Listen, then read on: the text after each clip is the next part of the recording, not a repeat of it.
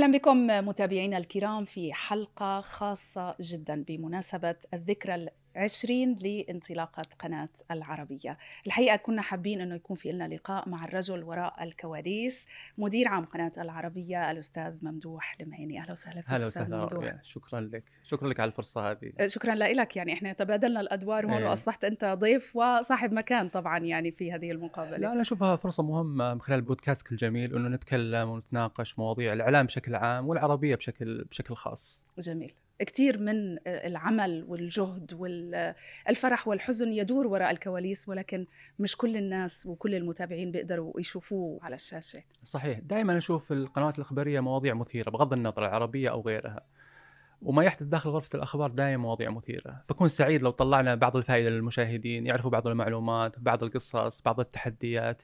فأنا أعتقد أنه آه، يعني آه، يعني إن شاء الله نطلع بشكل كويس شاء الله إن شاء الله إيه. طيب خلينا نبلش 20 عام على انطلاقة العربية عمر عقدين من الزمن أم، كتير طبعا أم، قنوات ظهرت وقنوات اختفت ولكن العربية ما زالت موجودة ما زالت موجودة بهاي القوة وهذا الزخم وبتتوسع كمان شو هو السر؟ والله السر أنا أعتقد ممكن في ثقافة العمل قبل قبل العمل الصحفي نفسه. العمل الصحفي هو ال- البضاعة اللي تبيعها في آخر النهار. ولكن داخل العربية وهذا لاحظته من بدايه من أول يوم أنا صرت مدير قناة العربية شغف الناس وحرصهم على العربية اهتمامهم. رغم يمكن تعرفين في ناس آه، يشتغلون 20 ساعة متواصلة. في بعض المراسلين يطلب مني يروحون أماكن خطيرة جدا. واحيانا أستغرب أنا. بديت أسأل نفسي ليش مثلا الصحفي حاب يروح مكان خطير مثلا أول ما أول ما ظهرت كي الحرب الأوكرانية الروسية الأوكرانية. آه، أحد يروح مثلا في عز سقوط كابل يطلب مني مراسل أو مذيع إنه يغطي هناك.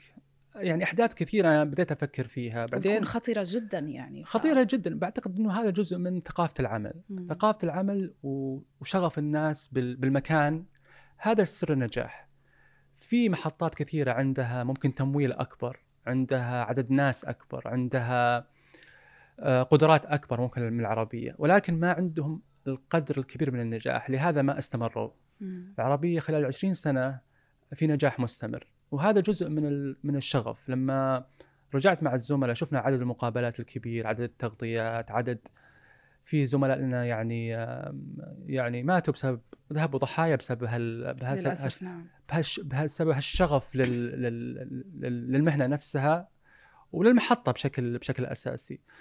أنا أعتقد هذا السر الأساسي لي... لي... يعني إذا حبينا نسأل أنفسنا ليش العربية استمرت؟ آه، متألقة طيلة هذه السنوات؟ طيب خلينا نرجع للزمن هيك ثلاث سنوات للوراء لما حضرتك استلمت إدارة قناة العربية.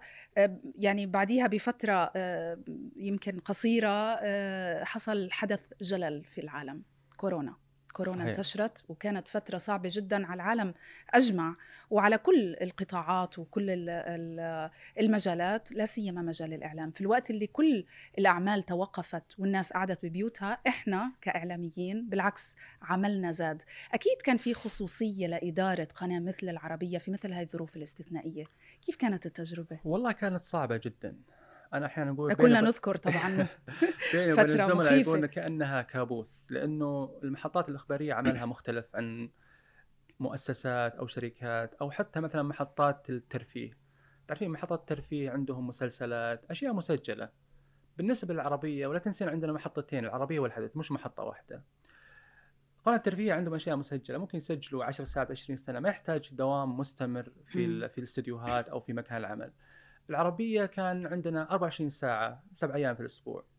كيف أنت عندك عدد كبير من الموظفين كيف تستغني عن نص عدد الموظفين بسبب ال- الإجراءات الصحية بسبب مم. الحجر ونفس الشيء وهذا تستغني عن وجودهم في المحطة ولكن أكيد مش رح نستغني إيه. عنهم يعني بالضبط ومش إيه. هذا اللي صار لا لا بالضبط هذا هو كيف أنت تعمل آه تعمل التوازن فاللي عملناه إحنا نزلنا عدد الموظفين آه يعني الناس يشتغلوا من آه منازلهم 80% مم. فقط في المبنى عندنا ممكن تذكرين أنت 20 فقط طبعا بالمية طبعا. وهذا على فكرة تحدي صعب لأن أنت عندك آه، 24 ساعة هواء آه، تغطيات مستمرة. نفس كورونا نفسها كانت حدث كبير كعمل صحفي. مم. لازم إحنا نكون متواجد بكل مكان.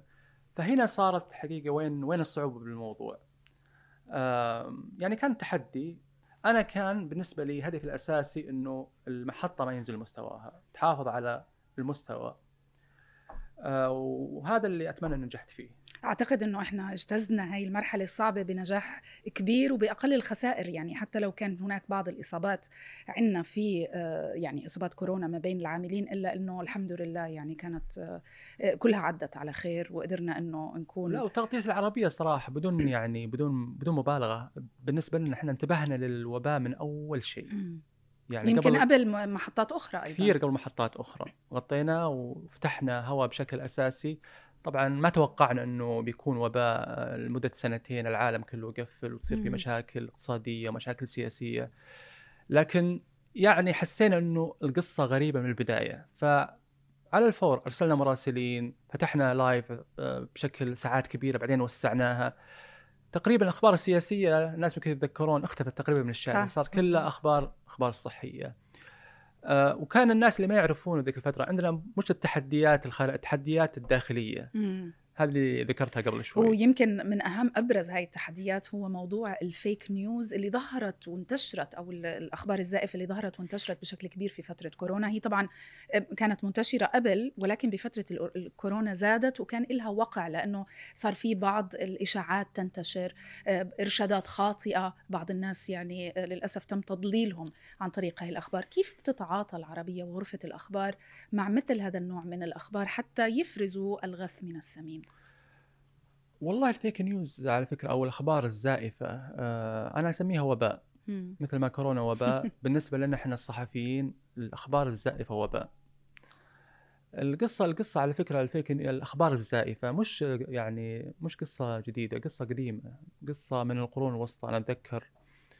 آه، في القرون الوسطى مثلا كانوا آه، مع بدايات انتشار الآلات الطابعة وانتشار الكتب. يعني سابقا كان في الحكاية الشعبية والأشعار. على فكرة الأخبار الزائفة قديمة جدا. كان ينشروا أخبار وشائعات و... ويستهدفوا شخصيات معينة بالتضليل. عن طريق حتى- الحكي ال- ال- ال- النميمة والجوسب زي ما بي- بالضبط. هي نفس الاخبار المزيفه آه، أحيانا تشوفين يسمونه اغتيال الشخصيات سابقا حتى. بالتاريخ. آه، فموجودة. متى بدأت فعلا تظهر بشكل بشكل أوضح؟ مع انتشار الاله الطابعه للقرون الوسطى. الناس يتوقعون في القرون الوسطى الناس في أوروبا مثلا يقرون الأشياء الفلاسفة ديكارت أو كانت أو لا هو فعلا كانت الثقافة ثقافة القرون الوسطى كانت ثقافة ظلامية بشكل بشكل أساسي فلما انتشرت الكتب إيش الكتب انتشرت؟ الكتب اللي تتكلم بالخرافات والخزعبلات والأشياء ال- يعني الخوارقيات خلينا نقول. أول ما ذهب ضحية هالأخبار الزائفة هم النساء. اتهموا. كثير نساء بالسحر. آه، أعدمت آلاف النساء بسبب الأخبار الزائفة،. لأنه الأخبار الزائفة هي أفكار بالنهاية وتؤثر على أفعال الناس، يتخذوا صح. قرارات غلط. صح وعلى حياتهم بعدين بالفعل. تطورت الفكرة إلى ما بدأنا في اللي يسمونه الثورة الرقمية والثو- والثورة التكنولوجية يعني سابقا يعني قبل ثلاث عقود أو أربع عقود عندنا مصادر محدودة لل- للمعرفة أو للأخبار تلفزيونات وصحف من السهل إن الشخص يتحقق إذا المعلومة غلط أو معلومة صحيحة مع انتشار الثورة الرقمية صار العملية صار صعبة عملية جدا صعبة جدا كمية شخص. الأخبار اللي اللي إحنا من- بنستهلكها أو على الأقل بتمر علينا عن طريق ال social media مهولة جدا كيف جدا. يمكن التحقق من كل هاي الأخبار؟ هو صعبة صراحة يعني تقريبا الآن عند الناس سبع أيام بالأسبوع 24 ساعة. أخبار معلومات معلومات معلومات. سابقا الشخص كان يقدر يتحقق إذا كان في عدد معلومات محدود. محدودة. محدودة صح. يعني.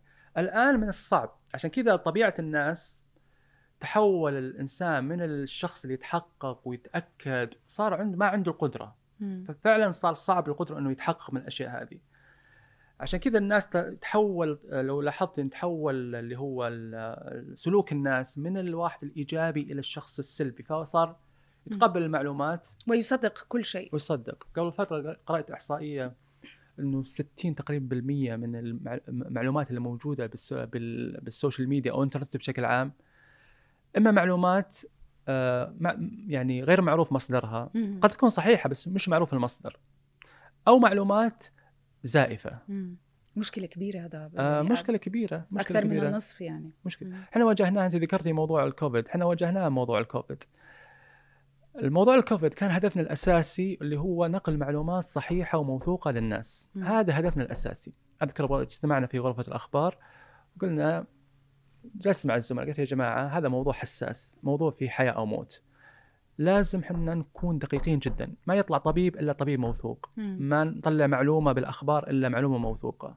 لأنه ممكن الشخص يشوفك ويأخذ معلومات غلط وتتسبب لا سمح الله بأذية, بأذية. ناس لأنه خصوصا في موضوع كورونا كان آه، يعني أي خبر بيطلع بمس حياتنا بشكل مباشر وصحتنا بالضبط و- إيه. ولما يكون في بعض الإرشادات الخاطئة هذه ممكن تؤدي لنتيجة عكسية وخطيرة جدا بالضبط إيه. جميل أستاذ أنك ذكرت آه، موضوع ال social media والثورة الرقمية اللي صارت مم. الثورة الرقمية آه، هاي زي كل شيء جديد مع إنها بطلت جديدة هلأ. ولكن كل شيء يدخل إلى الساحة آه، بالفترة الأخيرة آه، في إلها مضار وفي إلها منافع.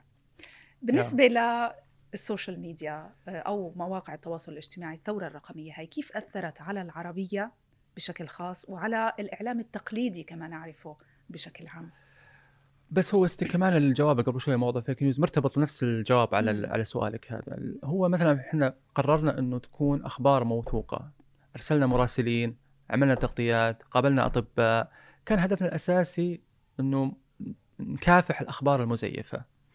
الآن على جواب على سؤالك مع ال social media الآن مفترض الناس يعرفوا قيمة ال- المؤسسات الإخبارية الموثوقة مثل العربية أو غيرها. هي تقدم معلومات موثوقة معلومات مؤكدة.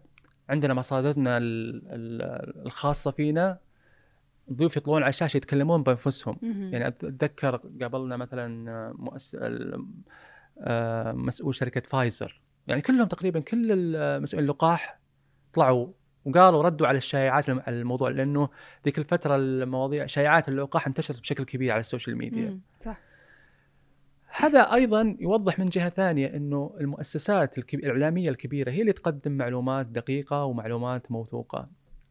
آه على ال social media المنافسة أنا شخصيا أنا أحس المنافسة إيجابية دائما،. يعني كل ما كبر السوق كل ما أعطى حافز للع... للشخص إنه يعمل بشكل للتطوير والتحسن وكذا ويتعلم الأفكار الجديدة. لأنه أنت الاحتكار دائما مثل السوق الح... السوق الحر إذا أنت قفلت السوق تبدأ الأداء يبدأ ينزل عندك. تدريجيا دخول لاعبين جدد ودخول عناصر جديدة بالنسبة لنا إحنا أتكلم بالنسبة للعربية مفيد جدا آه، بس في اختلاف طبعا بين العمل ال social media وفي خلينا نقول ال- اللاعبين بال social media الأفراد وبين كعمل مؤسسات كبيرة.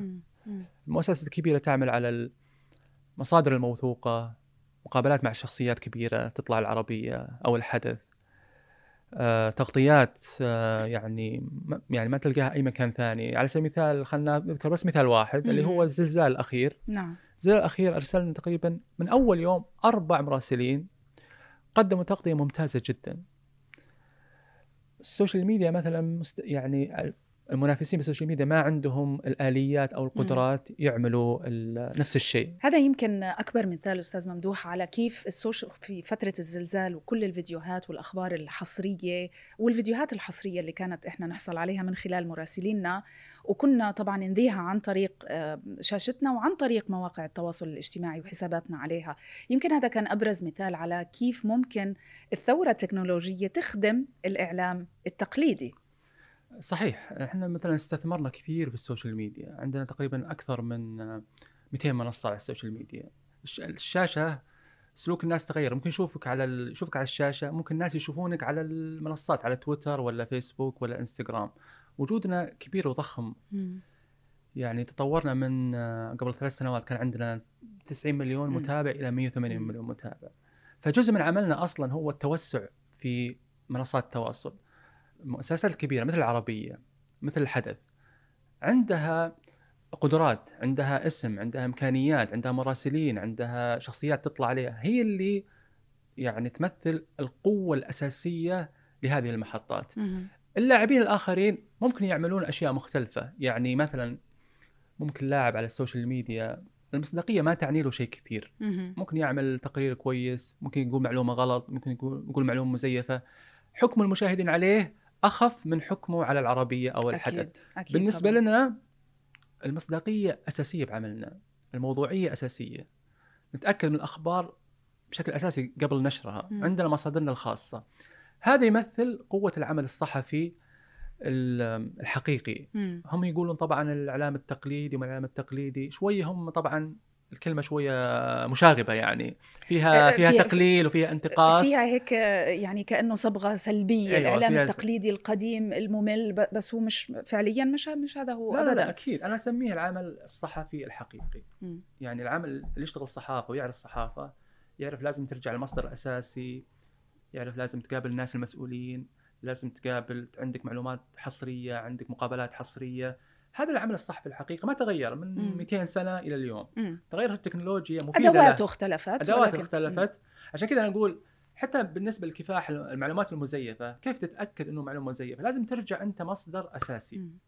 مثل العربية مثلا أو مثل الحدث أو من المؤسسات المحترمة مم. هذا هو برضه من ال... كيف تكافح الأخبار المزيفة لكن القضاء عليها أنا أشوفها مستحيل صعب لأنه منتشرة بكل مكان.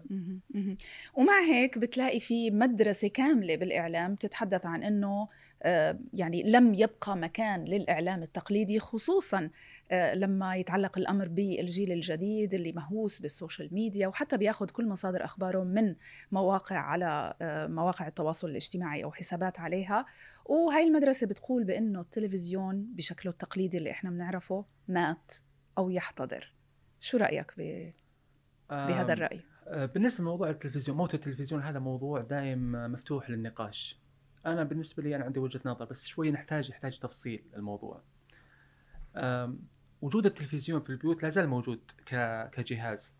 في الولايات المتحدة 90 بالبيو- من البيوت في البيوت الأمريكية عندها عندها تلفزيونات موجودة في, مم. في البيت إحنا يمكن 100% ما أعتقدش في. حدا ما عندوش هذا يعني لا للبيوت اللي فيها تلفزيون واحد هلا إيه صار بالضبط أت- أتصور ما عندنا أنا ما عندي إحصائية بس أتوقع إنه أعلى من مم. 90% جزء وجود التلفزيون بالبيت شيء شيء اجتماعي شيء نفسي الناس يجلسون يتحلقون نشاط أسري أو كمان. نشاط أسري مم. نفس نفس الوقت ولكن ال- التعامل مع التلفزيون كجهاز اختلف مم. أه نحتاج نفصل بين المحطات الترفيهية والمحطات الإخبارية. أغلب الناس سلوكهم في مشاهدة المحطات الترفيهية أخ... أه تغير في السنوات الأخيرة بسبب ظهور منصات مثل نتفليكس. غربيا وشاهد عربيا. يعني سابقا تذكرين الناس كيف واحد يجلس يتابع مسلسل 30 حلقة مثلا في رمضان. وينتظروا من ينتظر لغاية من ما اليوم يجي. بكرة وينتظر. هذا السلوك الآن خلاص تغير مع المنصات الجديدة. الآن لا. يجلس يمكن يشوف الحلقات كلها بوقت واحد. فالمحطات الترفيهية غيرت شوية من خطها وهذا أدى ما راح أقول إلى يعني مش ما أقول زوالها بس يعني أضعف المحطات الترفيهية. صار الناس ما يشوفوا محطات ترفيهيه مثل ما كانوا يشوفون بشكل سابق. ولا تنسين إنه مواضيع ال- ال data المعلومات عملية البحث ال recommendation تطورت مع الذكاء الصناعي. فالآن الإنسان مش يشوف والله تلفز... آه، مسلسل تطلع له recommendation لمسلسل يعني يقرأ السلوك للمشاهد وهذا مم. أيضا أسهم في آه، تطور المنصات على حساب المحطات الترفيهية مهم. الشيء الثالث اللي هو برضو مهم اللي هو الآن الصراع أنا أشوفه المحطات الترفيهية على ال content على المحتوى مم.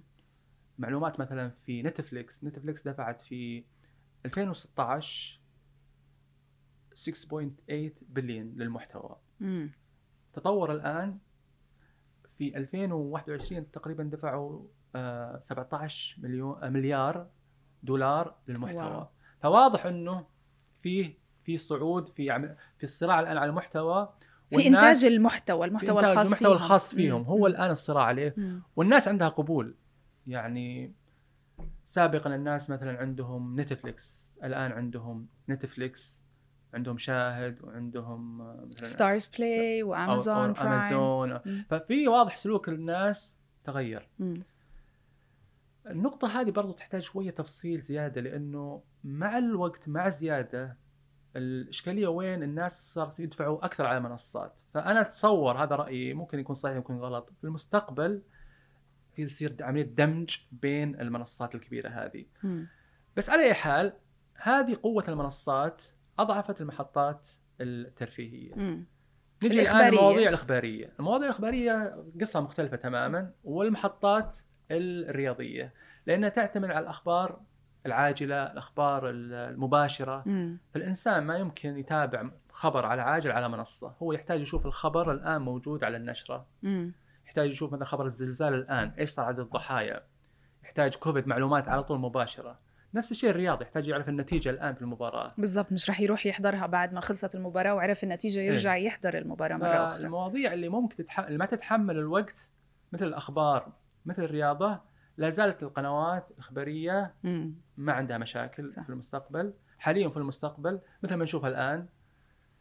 المحطات الترفيهية في صعود تماما للمنصات. أنا ما أقول تلاشي لا بس في ضعف للمحطات الترفيهية. في تجارب على فكرة عملوها للمواضيع السياسية في المنصات سي إن إن عملت streaming بس إنه ما مشى. لأنه الناس عندها رغبة عادة الناس لا زالت تحب تشوف الرياضة والسياسة. live مباشر. والتغطيات أكيد إيه. يعني مثلا بتغطية آه، الزلزال اللي صار في سوريا وتركيا مؤخرا يعني غير عن كل اللي كنا نشوفه الفيديوهات اللي كانت تطلع على السوشيال ميديا مثلا لمشاهد الزلزال كان كتير مهم بعتقد لكتير من المشاهدين إنه يشوفوا ال- ال- الشيء مباشر لحتى يعني يضلوا updated وعندهم تحديث على كل ال- الأرقام والأخبار اللي عمالها بتيجي. وهذا بيقودني لسؤال عن موضوع آه، التغطيات آه، بالنسبة لقناة العربية. أنا كعاملة هنا من 20 سنة لاحظت وبشكل واضح أنه هناك تغيير نوعا ما في تغطياتنا آه، تغطياتنا المفتوحة والمطولة واللي بتستمر لفترة من الزمن. شو هي الاستراتيجية المختلفة الآن فيما يتعلق بهذه التغطيات؟ والله أنا استراتيجيتي واضحة بصراحة. إحنا نلتزم بالعمل الصحفي الحقيقي خلينا نسميه. آه معلومات مؤكدة إرسال مراسلين مناطق ما كنا نوصلها قبل كذا في أوكرانيا أو في طالب أو في أفغانستان أو أي مكان ضيوف على مستوى عالي معلومات على مستوى يعني مؤكدة رؤساء دول يعني قبلنا عدد كبير من رؤساء الدول هذا جزء أساسي التركيز بالقنوات بالنسبة للقنوات الإخبارية وبالنسبه للعربية هو التركيز على أهمية المحتوى. إذا ركزت على أهمية المحتوى واعطيته قيمة حقيقية أنت ع- عندك قدرة على النجاح. صحيح نستفيد من التكنولوجي، نستفيد من الذكاء الاصطناعي، بس كل شيء يرجع لشيء أساسي اللي هو كيف تقدم العمل الصحفي. في أوكرانيا مثلا كنا موجودين قبل. قبل الغزو ال- وقبل الحرب ما تبدأ في طالبان لما حدثت سقوط سقوط كابول كنا موجودين في في موضوع الزلزال في مواضيع كثيرة. قوة ال- العربية والحدث بقوة المحتوى الإخباري اللي تقدمه. مم. هذا أنا أعتقد هذا الجزء الأساسي بالعمل.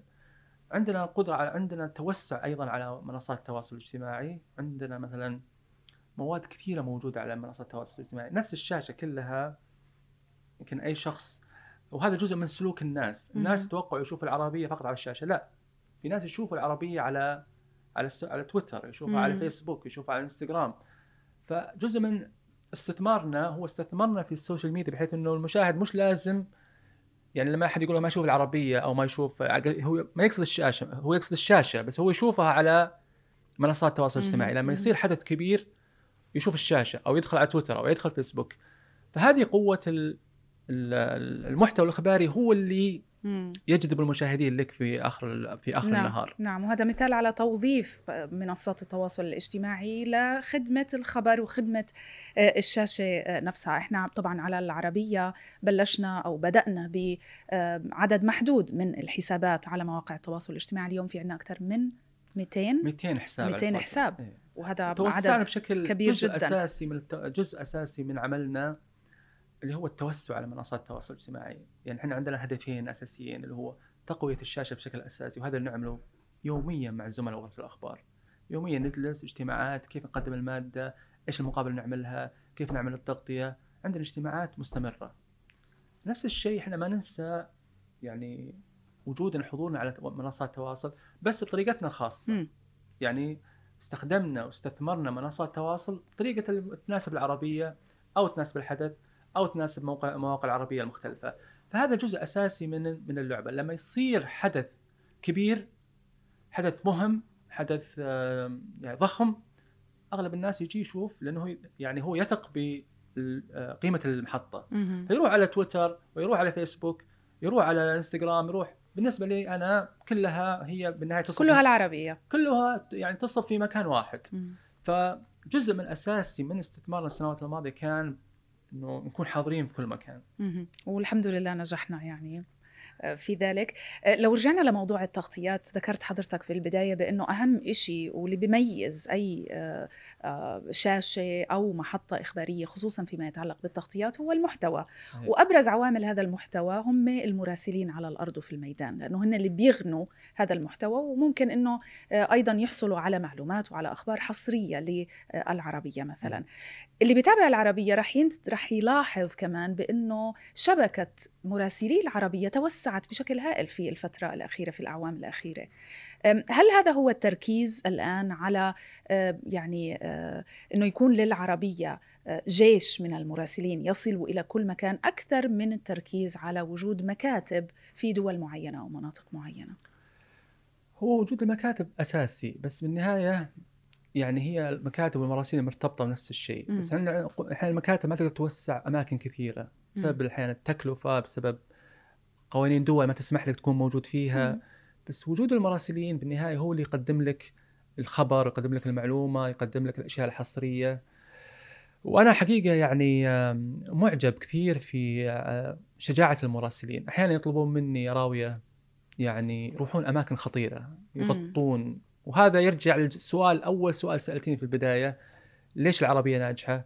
في ناس بالعربية وهذا الثقافة الموجودة ثقافة الشغف وحب المكان هو يروح أماكن أنا يعني واحد يسأل نفسه ليش أنت تروح أماكن مثل كذا؟ ليش تروح أماكن خطيرة؟ مستحيل بسبب المال مستحيل بسبب البرستيج لأنه ممكن ممكن تاخذ حياتك. ليه؟ لأنه هو صحفي حقيقي يحب يقدم صحفي حقيقي وعنده شغف وعنده حب. للمكان. هذا جزء أساسي حقيقه من عملنا.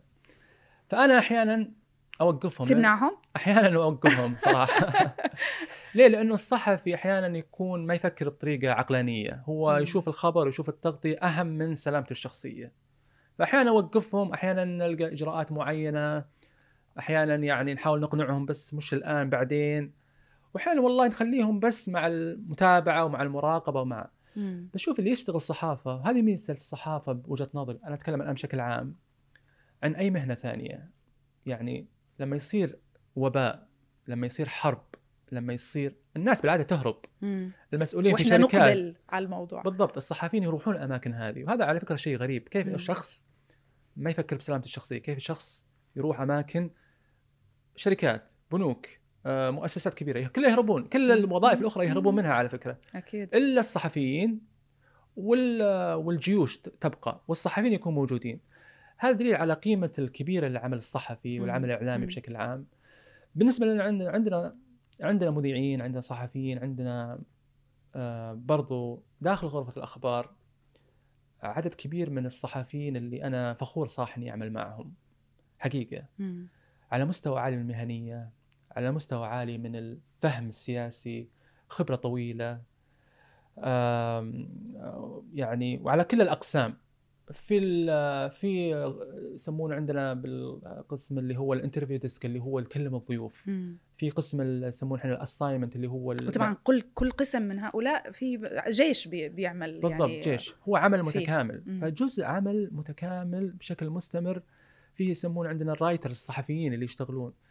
فهذه فرصة يعني بهاللقاء أنا أقول لهم شكرا جزيلا على كل عملكم على كل شغلكم. عملكم المستمر هو اللي يقدم مادة أساسية. دور المدير يعني وجودهم يسهل عمل أي مدير. وأنا حقيقة أعتبر نفسي محظوظ بالعمل مع كوكبة مميزة من من الزملاء والزميلات.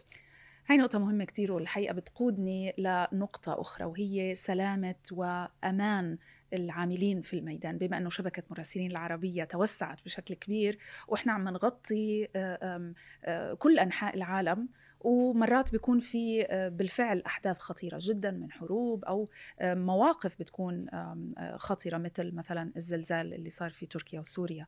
شو هي استراتيجية أو خطة العربية لسلامة زملائنا العاملين في الميدان؟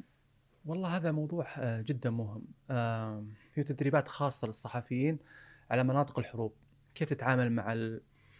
مع الهجمات المفاجئة كيف تتحسس المكان الخط... الأماكن الخطيرة كيف تت... يعني جزء من التدريب المستمر يعود المراسلين على كيف إنهم يتجنبون أو ما يتخذون قرارات خاطئة. آه ونفس الشيء هذا خصوصا نعملها مع المراسلين اللي آه في بداية مشوارهم.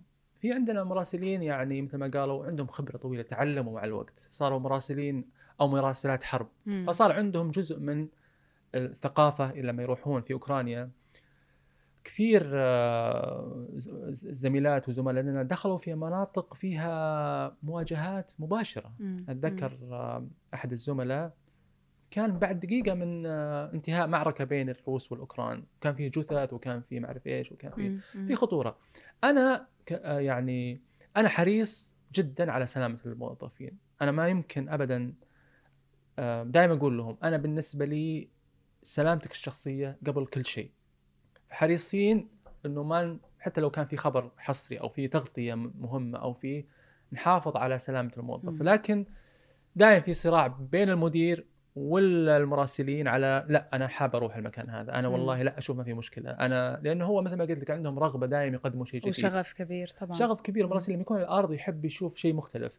فدائما هذا الصراع موجود ولكن مع التدريبات مع التعليمات مع التوجيهات نحاول نقلل من خطورة هذا الموضوع. العربية كأي محطة إخبارية طبعا تتعاطى مع أخبار سياسية أخبار حروب إرهاب ما إلى ذلك. بتكون عادة عرضة أه، لتهديدات. هل تصل تهديدات للعربية أو العاملين فيها؟ والله شوف يا راوي إحنا داخلين في منطقة زلازل. زلازل آه، سياسية, وأمنية. و... سياسية أمنية أيديولوجية فكرية مهم. إلى آخر القائمة. فطبيعي إحنا ندخل في هذه الصراعات هذه طبيعي تجي تهديدات. تجي تهديدات للزملاء آه، والزميلات آه، تجي تهديدات لي أنا شخصيا. ولكن مع الوقت خلاص الواحد يتعود لأنك أنت بالنهاية هذه ضريبة العمل في محطة سياسية مؤثرة وقوية مثل مثل العربية والحدث.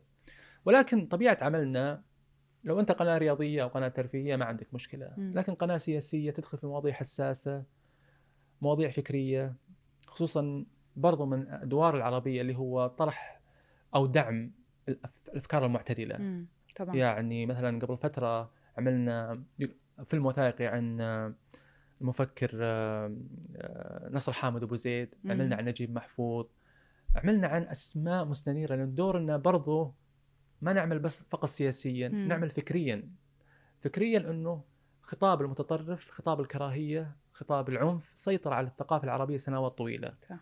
دورنا إحنا في المحطه دعم الفكر المعتدل الإسلام الحضاري الإسلام الأخلاقي. هذا يعني من ضمن أنا أشوف أدوارنا لتقديم خدمة لل- للمشاهد العربي. لأنه في. محطات كثيرة حقيقة يعني تشتغل على فكرة الغرائز وعلى فكرة العنف وإثارة وإثارة العواطف ال- المشاكل وإثارة الأشياء الطائفية بين بين الدول وبين الشعوب حتى داخل الدولة الواحدة. هذه مضرة بشكل كبير جدا. ويعني ومضرة على على مستوى التعليم على مستوى الأفكار على مستوى تصرفات الناس. دورنا بالعربي لا. أيضا عندنا هدف تغطية سياسية بشكل أساسي ولكن عندنا أيضا أدوار فكرية نفتخر أن نقوم فيها. مهم. العربية بدأت قبل 20 سنة بمحطة واحدة. الآن هي مظلة تضم تحت آه، جناحها آه، منصات عديدة آه، محطتين إخباريتين وراديو وبودكاست. رح نيجي بالحديث. عن الراديو والبودكاست تحديدا ولكن محطتين إخباريتين العربية والحدث. شو الفرق بينهم؟ لأنه في كتير ناس ما بتعرف وبنفس الوقت يعني ما هو جمهور كل منهما على حدة؟ خليني أبدأ بالحدث، الحدث آه، قناة قويه آه، قوية جدا في مناطق الصراعات، مناطق النزاعات. في مناطق مثل اليمن الحدث مشاهدة بشكل كبير، ممكن مشاهدة أكثر من العربية. في في العراق مثلا الحدث مشاهدة. أي مناطق تهتم يعني عندها مشاكل سياسية أو نزاعات أو حروب في المنطقة العربية أتكلم الحدث تكون هي تعطي ساعات أطول من العربية العربية بحكم ان عندنا مثلا بزنس وعندنا رياضة وعندنا برامج برامج بشكل عام نعطي المساحات هذه ولكن نفتح مساحة للحدث تغطي بشكل أوسع. ولكن بشكل عام أنا حاب أقول وجود العربية وجود الحدث يعني يكملون بعض. أنا أعتبر قوة إعلامية ضاربة مش موجودة بكل المؤسسات الإعلامية. الحدث عندها أسماء كبيرة عندها مراسلين كبار عندها صحفيين داخلها كبار فعندها قدرة على على التوسع والتمدد والعمل بشكل أساسي في المناطق هذه. نفس الوقت العربية عندها القيمة العالية عندها ال... وهذا أقول العربية دائما فيه قيمة إخبارية عالية سياسيا. بالبزنس عندنا اللي هو الأسواق أعلى مستوى الرياضة الأخبار الاقتصادية أعلى مستوى. فقيمة العربية تقدم لك أعلى مستوى. نفس الشيء الحدث تقدم لك اعلى مستوى بس الحدث تركيزها على المناطق اللي فيها حروب ونزاعات لأنه الحدث عندها مساحات أوسع للتغطية. لكن بشكل عام هم يكملون بعض وهو قناة مستق... كل قناة لها خطها المختلف ولكن كمؤسسة الشبكة العربية يمثلون لنا قوة ضاربة ولا تنسين اللي هو منصاتهم الخاصة فيهم. طيب خلينا نحكي الآن عن توسع قناة العربية حتى أصبحت هذه المظلة التي نتحدث عنها اللي فيها منصات كثيرة فيها قناتين إخباريتين زي ما ذكرنا وراديو على ما يبدو قريبا نعم. والعربية بودكاست. نعم. مهم جدا نتحدث عن العربية بودكاست لأنه شهادتنا مجروحة يعني في في, في البودكاست. الراديو آه، قريبا راح نطلق وإحنا سعيدين حقيقة إنه الراديو أول مرة تصير عندنا العربية راديو في FM العربية FM ستطلق من الرياض. خلال أيام إذاعة إخبارية آه، فيها برامج فيها نشرات أخبار لأنه نعتقد إنه المشاهد المحب للإذاعة الناس اللي في سياراتهم يسمعون يحبوا يسمعوا يح... okay يحبوا يسمعوا آه، أغاني ويحبوا يسمعوا أشياء ترفيه ولكن في اهتمام للناس برضو يسمعوا آخر الاخبار العاجلة آخر مم. المعلومات إيش صاير في أوكرانيا إيش صاير في أفغانستان إيش صاير في كل مكان العربية راح تقدم لهم الخدمة هذه بشكل أساسي معلومات موثوقة معلومات مؤكدة ف... فالناس ممكن يصير عندهم الرغبة الكبيرة بيسمعوا يصير عندهم معلومات آه، خلينا نقول يعني تحديثية أو مم. معلومات مستمرة طول الوقت بالنسبة للبودكاست إحنا بقى لنا سنتين أطلقنا منصة البودكاست. البودكاست الخاصة فينا من سنتين. البودكاست صراحة من أهم المنصات اللي أطلقناها في آه، في العامين الماضيين. السنة هذه راح نتوسع فيها أكبر. آه، من ضمن أيضا خطط انه توسعنا مثل ما قلت لك توسعنا في السوشيال ميديا توسعنا في بالإذاعة الآن. جزء من أساسي من عملنا البودكاست. مثل برنامج كيراوية. آه كلام يعني منطقي نعم. كلام منطقي. وبرامج كثيرة. ولكن أنا أعتقد البودكاست الآن صار من ضمن الأشياء الأساسية في الإعلام. ضروري بالنسبة لنا إنه نعمل وننمو فيه بشكل م. كبير. السنة هذه برضو راح يكون تركيزنا أكبر على البودكاست. كيف ننميه كيف نطوره كيف نعمل نعمل بشكل أكبر. آه فهذه هذا جزء أساسي. عندنا جزء من مستقبل الإعلام أيضا في إيه؟ في, السنوات القادمة يعني. اي طبيعه طبيعة البودكاست مختلفة تماما عن المحطات الإخبارية شغل شغلنا كمحطة إخبارية. لكن جزء أساسي من عملنا أيضا اللي هو استغل الفرص كل الفرص الموجودة. المشهد الإعلامي بالفترة الأخيرة آه، تغير في السنوات الأخيرة. ليس فقط أنه مع الثورة الرقمية ولكن حتى محطات جديدة أيضا ظهرت آه، على الساحة الإعلامية. في حتى الأشهر الأخيرة الماضية وبنفس الوقت في منصات رقمية جديدة إخبارية آه، تظهر وستظهر.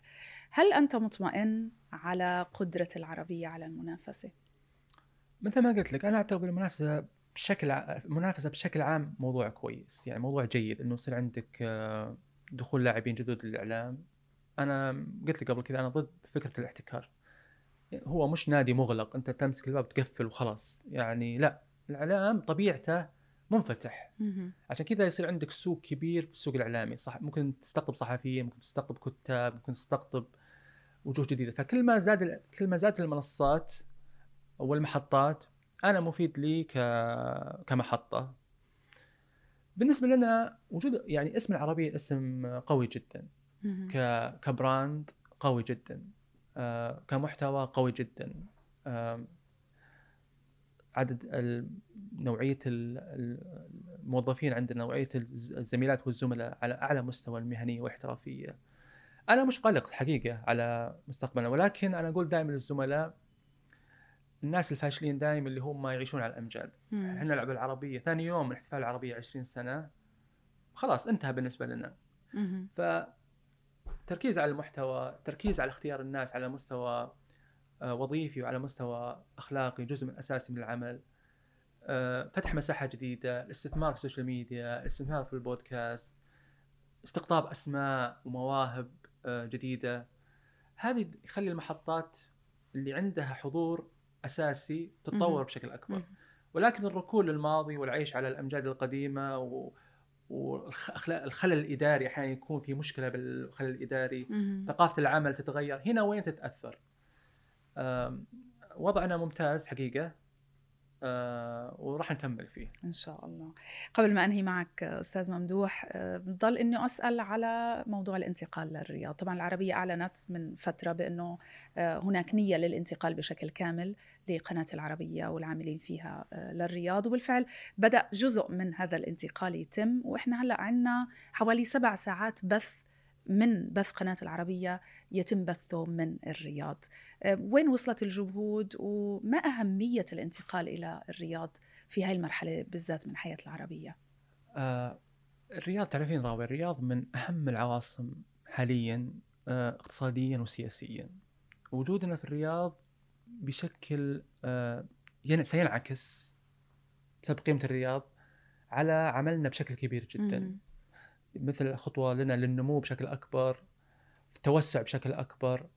فخطوة كبيرة كب- كبيرة جدا لنا. بدأنا مثل ما قلت بدأنا فعلا بالانتقال وسننتقل بشكل كامل لكنها فرصة كبيرة وإضافة كبيرة لنا العربيه شبكة العربية بشكل كامل. الحقيقة الحديث معك لا يمل أستاذ ممدوح. آه، شكرا كثير على هذه الدردشة اللطيفة. بتمنى أن نكون قدرنا أنه نلقي الضوء على جانب لم يعتد عليه المشاهد من قناة العربية. آه، أشكرك جزيل الشكر على وجودك معنا مدير عام قناة العربية الأستاذ ممدوح المهيني. شكرا. الشكر لك